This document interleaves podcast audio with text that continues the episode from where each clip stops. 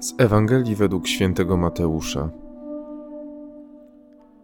Jezus przemówił do tłumów i do swoich uczniów tymi słowami. Na katedrze Mojżesza zasiedli uczeni w piśmie i faryzeusze. Czyńcie więc i zachowujcie wszystko, co wam polecą, lecz uczynków ich nie naśladujcie. Mówią bowiem, ale sami nie czynią.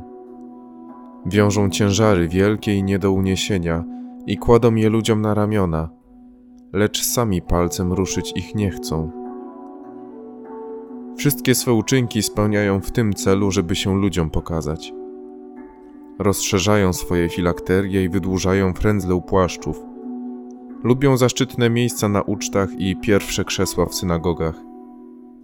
Chcą, by ich pozdrawiano na rynkach i żeby ludzie nazywali ich rabbi a wy nie pozwalajcie nazywać się rabbi, albowiem jeden jest wasz nauczyciel, a wy wszyscy jesteście braćmi. Nikogo też na ziemi nie nazywajcie waszym ojcem. Jeden bowiem jest ojciec wasz, ten w niebie. Nie chciejcie również, żeby was nazywano mistrzami, bo jeden jest tylko mistrz wasz, Chrystus. Największy z was niech będzie waszym sługą.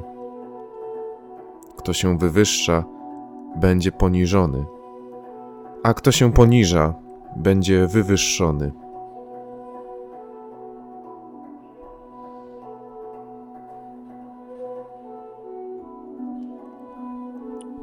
Dzisiejsza Ewangelia ostrzega nas, aby chronić się przed obłudą, zarówno przed tą czyhającą w nas samych, jak i tą, która może atakować nas ze strony innych osób, jeśli zbyt naiwnie podchodzimy do rzeczywistości. Warto na tym miejscu zaznaczyć, że chrześcijanin powinien być osobą racjonalną, badającą rzeczywistość, uważną i trzeźwo myślącą w stosunku do otaczającego go świata i osób. Na tym miejscu warto uświadomić sobie, że niezwykle błędnym obrazem jest katolik jako osoba żyjąca gdzieś w świecie marzeń, oderwana od rzeczywistości i miękka na tyle, że jest przedstawiana jako worek do bicia. Nie taka jest godność dziecka Bożego. Skupmy się jednak dziś na innej kwestii. Mianowicie na ostatnim zdaniu dzisiejszej perykopy. Największy z Was niech będzie waszym sługą.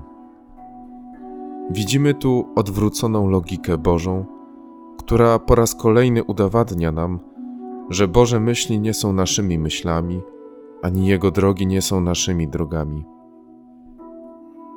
Odwrócona logika Boga prowokuje nas do postępowania w sposób istotnie przeciwny temu światu.